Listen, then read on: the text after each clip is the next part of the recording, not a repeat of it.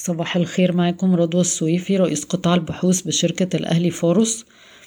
آه خلونا نبتدي كده بمعلومة سريعة عن السوق. آه هو حاليا EGX 30 بيتم تداوله عند مضاعف ربحية سبعة وتمانية من عشرة مرة لعام عشرين واحد وعشرين وستة واحد من عشرة مرة لعام عشرين اتنين وعشرين.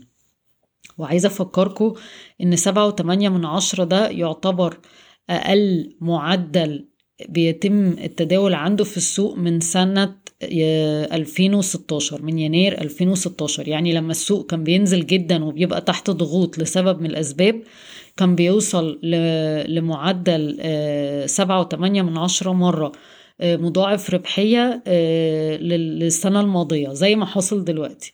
بس بنلفت نظركم للنقطة دي. خلونا نبتدي بأخبار الاقتصاد العالمي والكلي.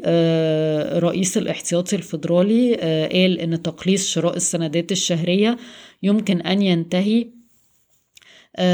قبل المتوقع وده بسبب ارتفاع التضخم أسرع من المتوقع وده طبعا معناه إنه هيفتح الباب لرفع أسعار الفايدة في الأسواق العالمية.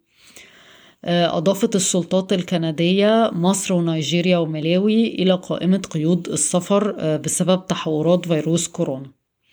ارتفعت السيولة المحلية 18% على أساس سنوي في أكتوبر 2021 مسجلة 5.6 من عشرة تريليون جنيه مصري.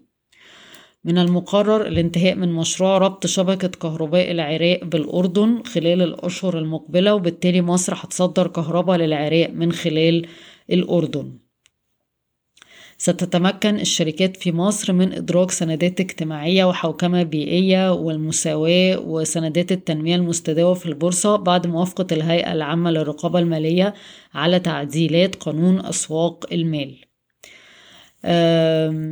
الهيئة العامة للسلع التموينية حاولت تنتهز فرصة انخفاض أسعار القمح في الأسابيع اللي فاتت واشترت حوالي 600 ألف طن من القمح وده طبعا يعني ممكن يساعد الموازنة البنك الأهلي المصري في محادثات مع بنك التنمية الأسيوي لاقتراض 600 مليون دولار أمريكي وده طبعا بيعزز من الأصول الأجنبية في القطاع المصرفي بشكل عام.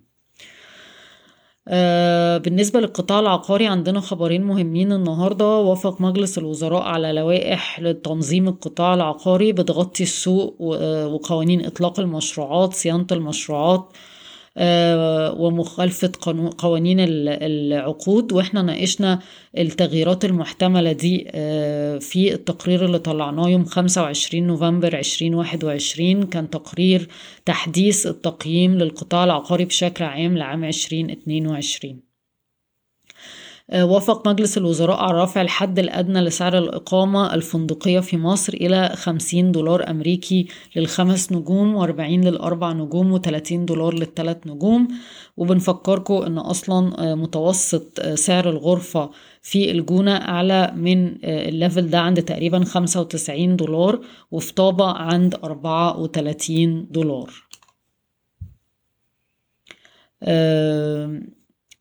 تتطلع سبع شركات مصرية للمشاركة في مشاريع إعادة الإعمار في ليبيا بما في ذلك أوراسكوم للإنشاء والسويدي وحسن علام وإجمالي المشروعات ممكن تصل قيمتها ل 33 مليار دولار أمريكي. وده يمكن ثيم اتكلمنا عنه قبل كده فكرة إعادة الإعمار في الدول المجاورة واستفادة الشركات منها.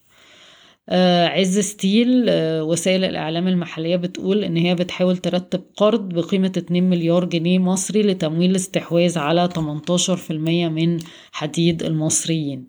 شركة خالص أحد التب... الشركات التابعة ل e-finance وقعت اتفاقية تعاون لتقديم خدمات لعملاء شركة مصر للتأمين من خلال 320 ألف نقطة بيع point of sale اللي تبعها في مصر. شركة Aspire Capital اللي هي الذراع الخدمات المالية بتاع بايونيرز المنفصل من شركة بايونيرز حقق أرباح 566 مليون جنيه في التسع شهور من عام 2021 بن آه بانخفاض آه 35% على أساس سنوي والسهم بيتم تداوله عند مضاعف ربحية آه نص مرة لعام 2021 وآخر خبر معانا شركة أيادي أحد الاذرع الاستثمارية لبنك الاستثمار القومي هتنشئ شركة تمويل استهلاكي رقمية بالكامل هتضخ 250 مليون جنيه في حوالي 30 شركة ناشئة. وطبعا زي ما حضراتكم لاحظين المنافسة بدأت تشتد قوي في موضوع التمويل الاستهلاكي. بشكركم ويوم سعيد.